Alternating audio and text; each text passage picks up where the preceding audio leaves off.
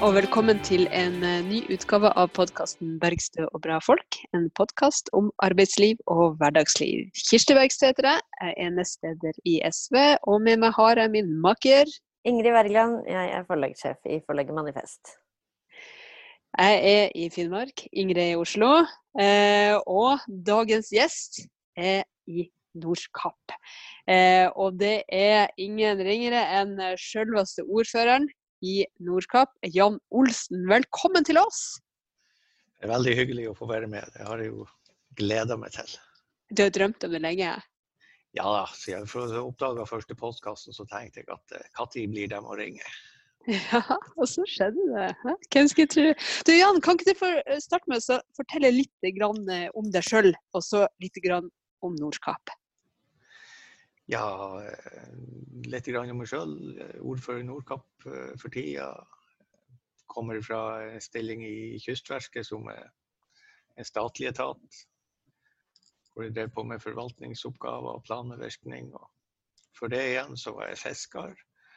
Og er utdanna fiskerikandidat fra Universitetet i Tromsø. Opprinnelig fra Karlsøy i Tromsø, fra Torsvåg. Og har vært i kommunestyret i Karlsøy en periode. Og så har jeg vært eh, leder i Troms SV i to eller tre år. Og så da selvfølgelig med tilbehør som er landsstyret. Det var veldig artig. Og så flytta vi til Nordkapp i 2011, og så har jeg eh, min andre periode i kommunestyret her, og nå som ordfører. Og så har vi eh, Ja, jeg har en kone og tre stebarn, barnebarn og oldebarn. Og, ja. Oldebarn òg? Ja, det, vi har familiekratt, for å si det sånn. Vi har et oldebarn på tre år. Så fantastisk. Jeg brukte jo kokettere når du starta Jazz, du brukte jo kokettere med at det var bestefar da, til en ti-elleveåring. Ja, for nå er jo ikke så mange som kan se deg, men du er jo ikke gamle karen, Jan? Jeg er nå snart 50 da, så ja, snart 50 og eh, oldebarn, det er nå godt jobba sjøl til, til Norsa være. Ja, det var nå ikke egentlig eh, jeg som gjorde jobben heller. Jeg kone er 13 år gammel, og hun var tidlig ute, og dattera var tidlig ute. Så da leda du litt? Jeg var ganske tidlig ute, så. så kan ikke du si litt om, om Nordkapp også?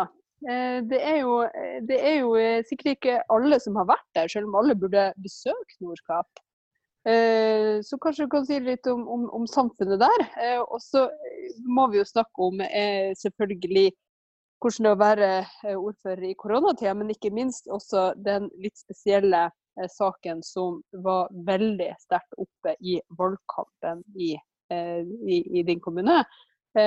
og for så vidt også i riksmedia, nemlig Nordkapp platå. Men først litt om, om kommunen, Jan. Kan ikke du gi oss en lite et lite ja, lynkurs i Nordkapp. Går det an? Ja, jeg kan jo prøve det. Iallfall det er jo eh, den nordligste kommunen i Norge. Eh, Nordkapp er jo eh, kanskje verdens første, verdens første naturbaserte punkt som det kom turister til. Francesco Negri, en italiensk reisende, han var jo her på 1600-tallet allerede. Så en veldig lang historie innenfor at folk kommer hit på, helt på å gjøre det meningsløst bare å komme til et punkt for å se. Eh, tradisjonell fiskerikommune med en industrikommune i den forstand at det var stor eh, fiskeindustri her. Eh, spesielt i oppbygninga etter eh, nedbrenninga. Så det hadde og så hadde jo Forsvaret sine greier her. Kommunen har hatt over 6000 innbyggere. Nå er vi jo Nedbrenninga, da er vi tilbake i krigen? Ja. Mm. Kommunen har hatt over, ja, ikke over 6000, men sånn ca. 6000 innbyggere. Og vi er jo nede i nå i ja, under 3002. Eh, så har vi jo eh, eh, Turismen er jo veldig stor her. Den er avgjørende og av stor betydning. Det, er mange, det kommer inn 300-350 turister hit om året under et eh, normalår. En stor del av dem har vært cruiseturister de siste årene. Hvor mange sa du? 300? 350 000 sånn cirka. Såpass, ja. Ja, ja det, er jo, det, er jo, ganske mange.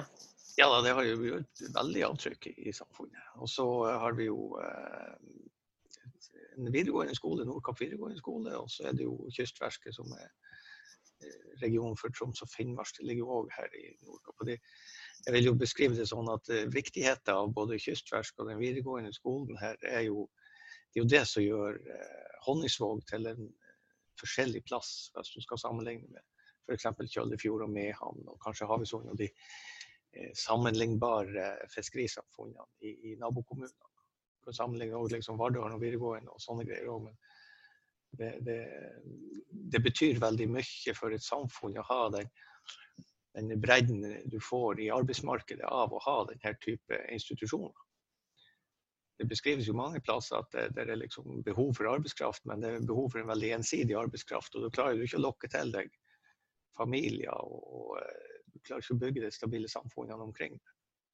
Så sånn sett er Nordkapp veldig heldig at vi har de her eh, institusjonene. Og så er den eh, Honningsvåg eller Nordkapp er veldig rik på kultur. Vi har jo selvfølgelig Knut Erik Jensen, som alle kjenner til. Kanskje, Han er i alle fall Norges mest kjente og mest produktive dokumentarist. og den biten der, og så har han en, en stor revykultur. Altså det, det, er virkelig en plass for scenekunst. Og der er det jo òg eh, ja, billedlig kunst òg har jo hva det skaper, Nei, jeg vet ikke hva det er hva, hva profford er på det, men det er jo sånn som Bjarne Holst og Bjarne Holst-galleriet der. Og det, det, det er en eh, plass med rikt kulturliv. Første året, bodde i, første året bodde her i Honningsvåg, så var jeg vel mer på kino, teater, utstilling og sånne ting enn jeg var på de åtte og et halvt årene jeg bodde i Tromsø. Eh, det har jo selvfølgelig litt med den livssituasjonen jeg var i når jeg studerte og gikk på skole i Tromsø, fra, eh, opp mot det å være voksen og, voksen og i arbeid i Honningsvåg. Jeg har litt uh, ulike interesser da, men, men, det er veldig, veldig uh, betydningsfullt på kultur, reiseliv og fiskeri. Eller, men, kultur og kystkultur? Når du sier fiskeri, det er, også, er det også fiskeforedling, eller er det mest uh... Ja da, det er fiskebruk i både Gjesvær og Skarsvåg. Og Skarsvåg er verdens nordligste eh, fiskevær. Og Kamøyvær og Nordvågen og her inne i Storbukt i Honningsvåg. Så det, det, er i alle fall fem kjøpere, seks kjøpere. Så det, det landes eh, bra mye fisk her, det gjør det. Hoved, hovedlandingen er jo ifra den tradisjonelle kystflåten. Og, og, eh, en god del av den større kystflåten òg, som er, eh, etter hvert har vokst seg til og er her i sesongene. Vi er jo på en plass hvor det, mer eller mindre kontinuerlig kommer eh, et sig med fisk til land fra, fra Barentshavet. Sånn nå er jo hovedsesongen på hell. Etter påske og utover mai-juni så, så, går det nedover med kan du si, det, eh, garn, line og juks og fiske der. Og da endrer karakteren på fiskeriene seg litt. Hvordan merkes eh, fiskeripolitikken i Nordkapp, eh, Jan? Det som, eh, det som, merkes, er jo rett og slett det her med, med altså, Du kunne hatt flere større båter med flere ansatte i. Og når du tenker på større båter, da tenker jeg ikke på at de skal være 90-fotinger eller sånn, at de er 90 fot til 28 meter. Da tenker jeg på at vi kunne hatt flere 50-fotinger på 15 meter med to og kanskje tre mann i. Hvis ressursene hadde vært bedre fordelt. Det ville gitt enormt mye mer arbeidsplasser. Og Fordelen med de her fartøyene er det at de driver, man driver ikke fiske bare fra et fartøy, man driver også fra et sted. Og når båtene blir så store at de ikke er lenger avhengig av et sted, så eh, mister de den samfunnskontakten og den samfunnsforpliktelsen eller den connection der. Og mm. hvis man ser på tallene, så merker man jo veldig godt at det har vært store endringer. På hvilken måte da? Det er jo eh, Nå er det lenge siden jeg har sett på tallene eksakt, men i Nordkapp så kommer vi jo øst for den eh, kongekrabbegrensa og og så er vi òg i, i eh, tiltakssonen for kystfiskekvoter, eller kystfiskekvoter, ja, de 3000 tonnene der. Mm. Og Det betyr at det er faktisk attraktivt å etablere seg med en liten båt, og hvor du legger torsken i en liten båt i åpen gruppe hvor du legger torsken til grunn, og så får du litt ekstra på den kystfiskekvota. Så har du kongekrabben i tillegg, som er veldig verdifull. Kan, altså de der eh, torsken og, og, eh, og krabben utgjør da selve margen i selve stammen, rygg, ryggmargen i, i, i, i, eksistensen og gir en tilmålt trygghet du har for å utnytte andre ressurser igjen. Uten at det liksom går på ræv hvis du prøver noe nytt. Eh, fra Nordkapp og østover så har det jo vært en del etableringer i den gruppa der, altså i den segmentet der med mindre båter under 11 meter. Eh, men baksida er jo det at de som har hatt kvoterettigheter i, i lukka grupper, de har solgt dem ut. fordi det er et godt bytte når du allikevel kunne fiske like mye i hadde like bra uten å ha den kvota, så kan du innkassere den gevinsten der. Og da, da er det kjøpere utenfor uh, området som uh, blir sittende med, med, de rettighetene? Eller ja, du, ser dere noe mønster i det? Ja, det, mønstrene er vel rett og slett lett å si at det har jo vært strategiske oppkjøp i påvente av regelendringer fra regjeringa. Så har de jo kommet de regelendringene, så har det jo det er, det er, sånn det har foregått opp gjennom mange år. Du, kanskje du dannet eh, Flere kjøper opp minibåter, og så danner de et behov for å slå sammen de og ta dem med de kvotene og ta dem med på større båter. Så blir det kommunisert ut gjennom ja, f.eks. Norges Fiskarlag, som har vært veldig på, på, det der kjøret. Og så blir jo det akseptert av de som styrer. Så, så havner ressursene på færre hender ja, og ut fra kystsamfunnene? Ja, eller i 2008 så var det jo eh, Landsdelsutvalget for Nord-Norge. LU hadde jo en rapport til LU-fisk, og da konkluderte de jo med at eh, eh kvoten beveger seg i to retninger. Oppover i båtstørrelse og sørover i geografisk retning. Og det jo mm. det var i 2008. Og det har jo eh, Den retninga har vært der hele tida, med ulikt tempo. Mm. Det er ikke Men, bra.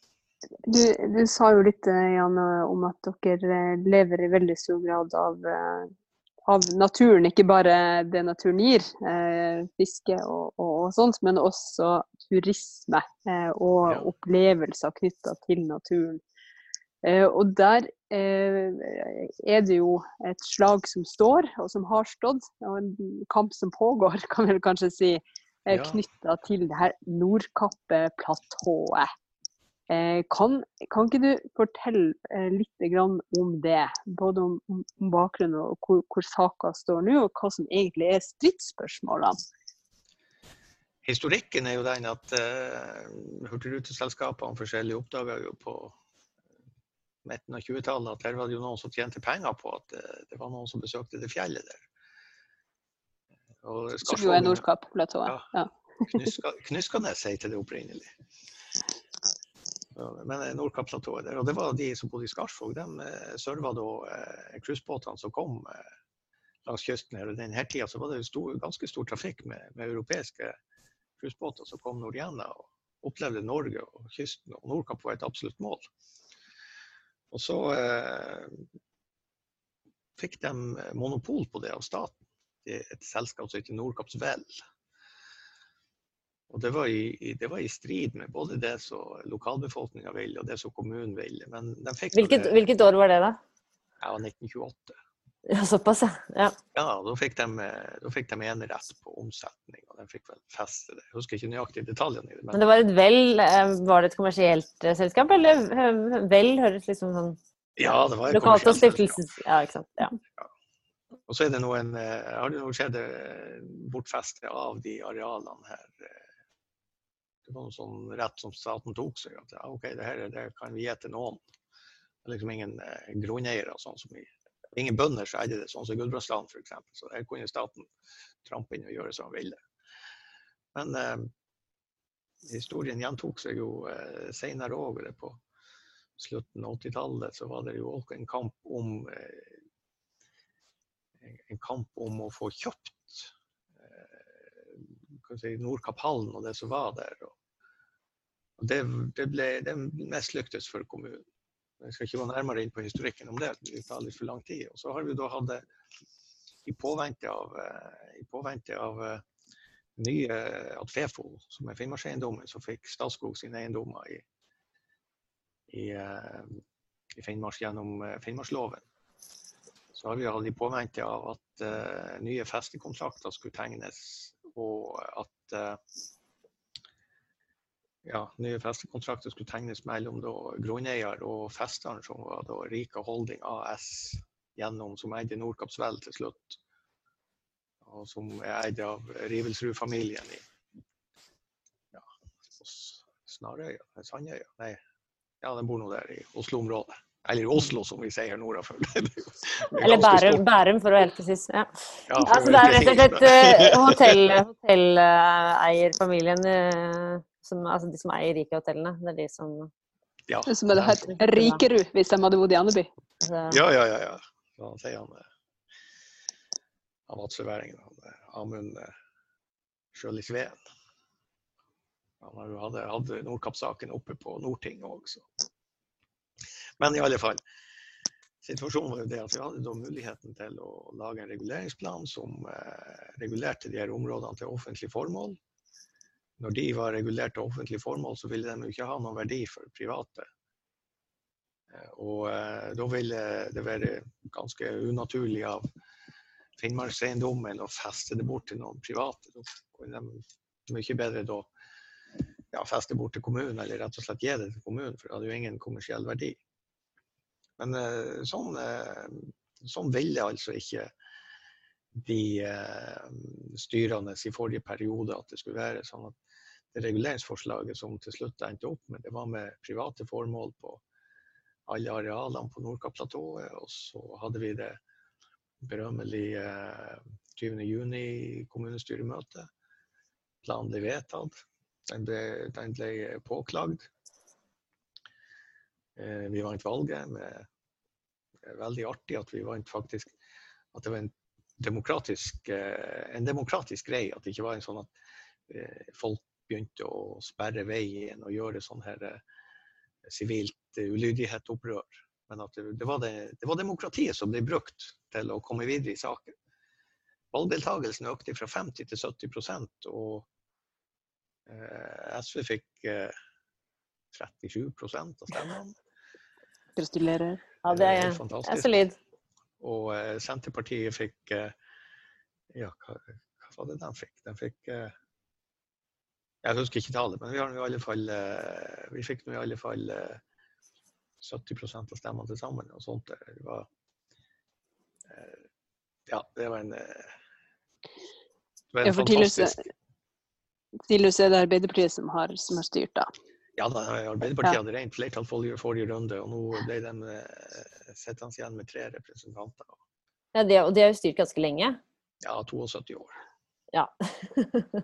men, men, eh, men, bare for å være helt eh, konkret på hva denne festeplanen handler om. Altså det, det, betyr jo sånn i praksis da, at eh, de, ja, disse eh, rike eierne da kunne ta eh, omtrent hva de ville i billettpris for at eh, man skal få gå ut på Nordkapplatået og få se den vakre utsikten? Ja, det er en del av det òg. Det, det, at det har lenge vært en strid om de kunne ta en avgift. For den avgiften starta jo med med det kan si 1928, hvor de tok betalt for å ta folk på land i, i Hornvika. når de mm. skulle opp til Nordkapp. Og så eh, bygde jo kommunen bygde jo vei opp til Nordkapp-platået. Det var Nordkapps vel imot. For da kunne de jo eh, det var på 50-tallet. Da kunne de tape de inntektene de hadde over den kaia der i Hornvika.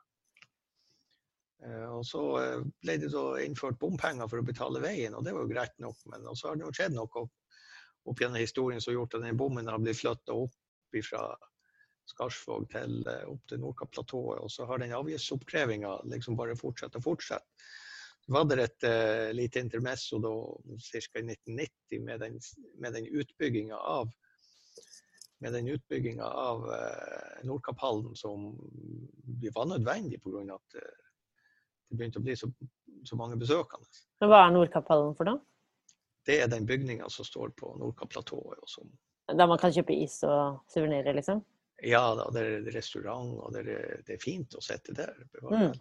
Og det er ei grotte òg, hvor du har en sånn Kings View nedi grotta der hvor du, du holder ut Nordkapplatået. Så du kan se inn i fjellet kan du se utover havet. Mm.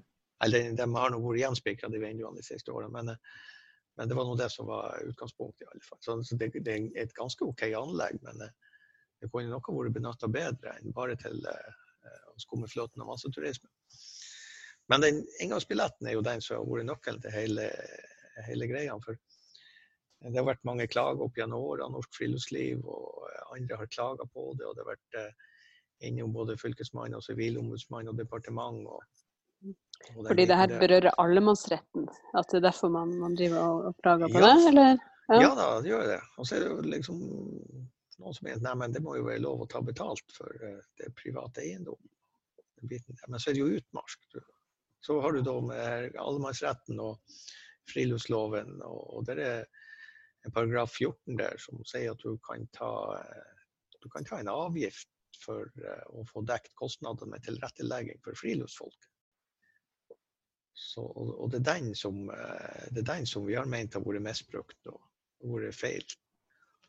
Altså når vi har henvendt oss til kommuner før, så var svaret at ja, men eh, hvorfor er det ingen som har gjort noe hvis det ikke, hvis det ikke er rett? Og Svaret på det var jo det at det var jo kommunen sjøl som måtte gjøre noe med det. Mhm. Og så ble det pressa fram til slutt i i 2011 eh, eller sånn, så skrev departementet til, eh, til RIK at skulle de fortsette å ta opp avgift, så måtte de ha ta betalt, så måtte de ha løyve fra kommunen. Og så ble det gitt løyve fra kommunen. Det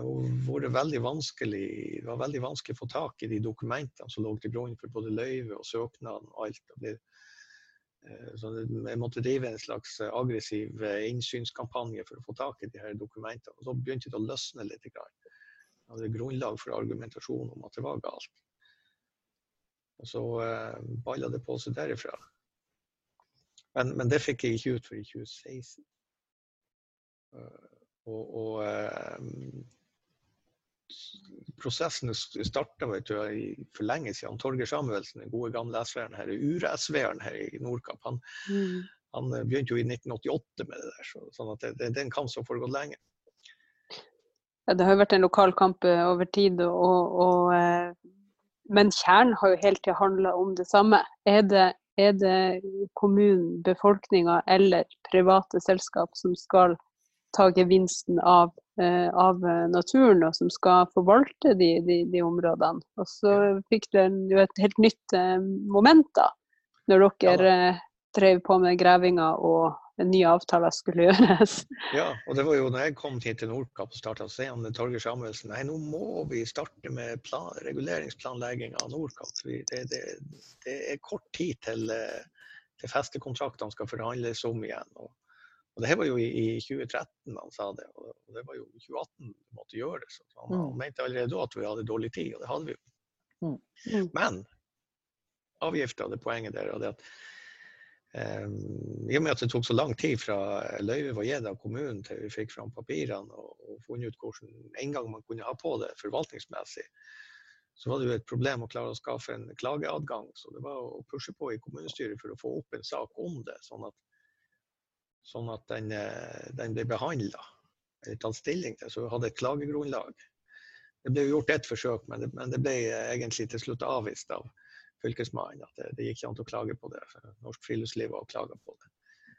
Eh, og så var det da det vedtak om forlenging i, for 2019 på de vilkårene som ble gitt i 2014. Eh, det var jo et, et, konkret vedtak, og det kunne da Friluftsliv klage på. Og det ble endelig faktisk det ble klaga på i desember i 2019, og så ble det ferdigbehandla for Fylkesmannen i desember i 2020. Så det tok en tid. Men der fikk jo både løyvegiver og løyvehaver så ramslagra hos Fylkesmannen, for å si det sånn. Og da var det jo endelig opp og avgjort at eh, så det foregått ikke har vært rett. Så det var en kjempeoppreisning for alle som har stått i kampen. Men hvordan er det hvis jeg, hvis jeg kommer til Nordkapp nå, da? Hva må jeg betale for å komme ut på platået? Nei, det må du ikke. Men det kommer til å være noen der som står og krever deg av penger likevel. Okay.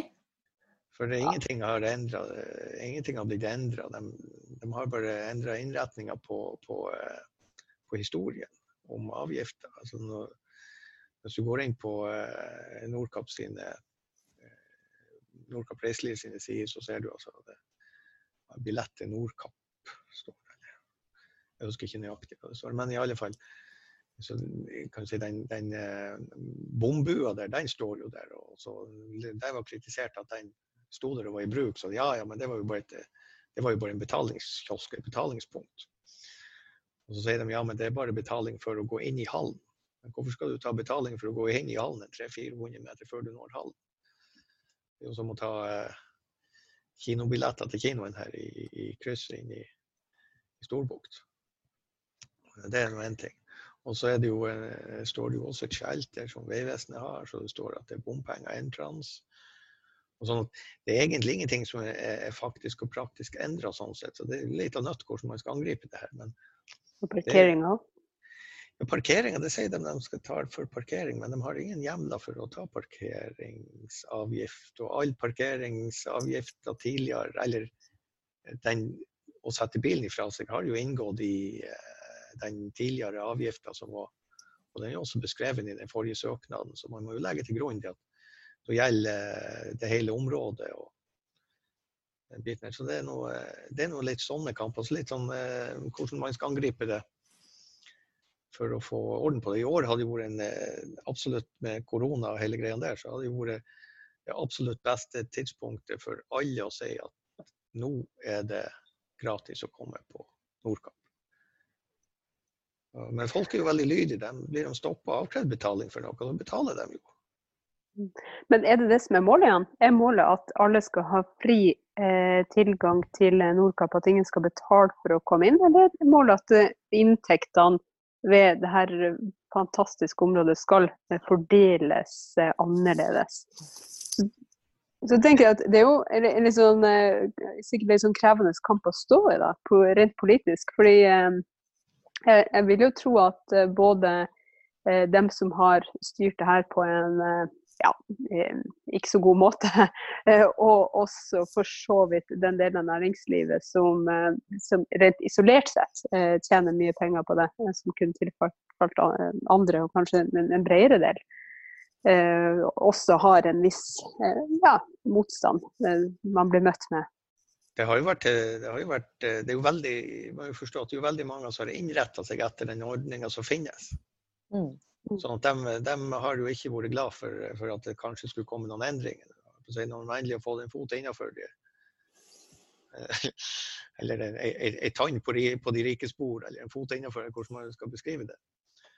Så, så, så, så vil du liksom ikke gi slipp på den. Og, og, eh, det er jo en stor og betydningsfull aktør, da, Scandic, som driver det nå. Eh, målet med det er jo rett og slett å, å få ei få vi har jo mål om å lage verdens beste naturbaserte forvaltning. Eller verdens beste forvaltning av et naturbasert reiselivsmål. Det eh, det, er jo det, som er det ideelle. Mm. For å kunne det til, så må man jo eh, ha noe som dekker felles, eh, felleskostnader, felles godekostnader. Og da, må du, da har du en rimelig rett til å ta en, sånn, en, en friluftsavgift til kostpris, eller til, til, eh, ja, hva det heter, til, til uh, sjølkost. Mm. Og da, du, uh, da, kan du ha eh, etablere tiltak, klopping, uh, vakthold, alle de bitene som trenges for å, for å ivareta naturen og reisemål. for det er jo et enormt trykk av alle de tusen menneskene. 250 000 som besøker platået hvert år. Så det er et enormt avtrykk der. Og så har du da det parkeringsområdet hvor det står bobiler, er jo antageligvis eh, Nord-Norges største bobilcamping. Mm. Der står de altså eh, flere dager, og da er de ikke hos campingplassene i området. Mm. Og, så det, det, det, er veldig store, De går glipp av veldig store inntekter, de som driver overnattingsbedrifter. En annen effekt med å få dem ned av fjellet er jo det at, at de eh, da vil benytte seg av de andre aktivitetene som er innenfor reiselivsbransjen som drives her. Jeg er ikke så kjent i Nordkapp. Var det langt opp til det platået fra liksom Nei, det er tre mil, tre mil cirka fra Honningsvåg. Ja. Og det er ikke, den, det er ikke langt. Mm. En god halvtimes kjøring. Altså. Mm. Alt etter hvor mye du ser En halvtime hvis du bare ser ut av eh, frontruta. Skal du se ut av sideruten, så må du bruke litt lengre tid. Men båtene som kommer til, de legger jo til kai, og så fyker de turistene opp. Og så får de ned igjen eh, en del av dem. Gjør de ikke det? Uten Ja da, det-. Det er et helt skuespill når du har inne eh, to og tre, og av og til eh, fire med den femte på tur av verdens største cruiseskip. Det, det, er en- det er en fantastisk ting å se på. Det må jo være en enorm kai, da, eller? Ja, du har jo en to-tre kaier der, men de tendrer òg. Altså at de ligger ute, ute, på, ute på sundet her, og så bruker de de her tenderbåtene til å sette folk på land. Og det er jo, eh, Du får jo ikke alle på land uansett samtidig, for det må jo busser som skal kjøres opp og ned. og sånn. Det er litt av logistikk, da. Ja, Mm. det er som å være i en murtue når man er der oppe. og ser det. Av og til drar man opp bare for å se på turister. Men du Jan, eh, det er jo spesielle tider i hele landet nå. og eh, Kan ikke du si noe om, om hvordan eh, koronasituasjonen har prega Nordkapp? Ja, vi er jo eh, Alle cruiseanløpene er jo avlyst. Det var jo eh, meldt opp over 100 anløp. Mm. Eh, det er veldig mange som har eh, mindre bedrifter som lever av turistene som kommer. Det kommer jo en god del på landevei og en god del med buss òg. Og, eh, sånn at alle de her har jo ingen, eh, de har jo ingen sommer å se fram til, i den forstand. Det er Så er det svikt nå i turismen, det er alvorlig. Ja, ja, altså det, det, det er kolossalt. Det som eh, Det har stor betydning for alle omsetninger òg. Det var nevnt at en plass mellom 250 og 400 mennesker kommer hver sommer hit for å jobbe her. Altså som ikke er i samfunnet, men er, men er i sommersesongen. For å Mm. det her. Og det, kan si, Den aktiviteten som de skaper, går vi også glipp av. Ja. De pleier jo på puben, dem òg. ja, altså de, lever, de handler jo på butikken og går på. De har litt forskjellige Mm. strategier, de ulike. Noen er jo for å legge seg opp penger, noen er for å leve litt. Men de er jo en del av det her. Og noen, noen blir igjen. Noen eh, tar noen med seg når de drar. Sånn. men, men, i alle fall, det, det, det er enorm betydning for, for, for framtida. Mm. Eller for det kommende året. Så det, det blir ikke noe spøk. Nei, for det er jo selve næringslivet. Men eh, hvordan, eh, hvordan er det med dere i kommunen, da?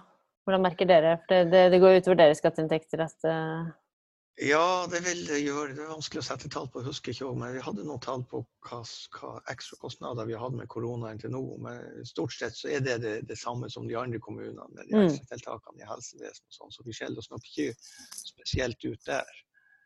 Det gjør vi ikke. Men jeg må jo si det at det var jo eh, det var en dårlig uke, det der. eh, Den uka vi satt først på en møte tirsdagen, og da var vi lei litt nedfor, og torsdagen så fikk vi jo beskjed om å sette, at alle måtte sette krisestab. Så, så det var en veldig eh, intense greier.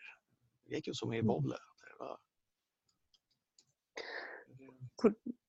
Hvilke tilbakemeldinger får du fra, fra eh, næringsliv og fra egen kommune i forhold til de krisepakkene og de tiltakene som er? Er det noe som monner?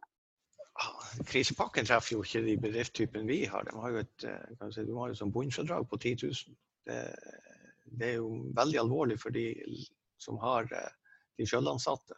Så de som har en Mm. egen bedrift å leve av den. Kanskje en familie eller et par eller noen kamerater.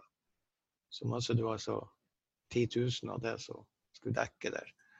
Det skulle heller vært en, en maksgrense for hva du kunne få. Mm. For å få dekket eh, de faste kostnadene. som f.eks. at du hadde du fikk dekket eh, husleie, forsikring og alt de her faste løpende kostnadene. Og så, og så hadde du en maksgrense på 150 eller 200 000 i måneden. Det hadde vært rimelig, i stedet for sånn som vi leser nå i Dagens Næringsliv, at det er noen som har fått 15 000-16 000 eh, i, eh, for, for mars måned. Nei, 15-16 millioner bare for mars måned. Mm. de som har fått ut mest. Og det er jo, det er jo bedrifter som har drevet som, som driver i en risiko eh, Som tar risiko. Som Mm.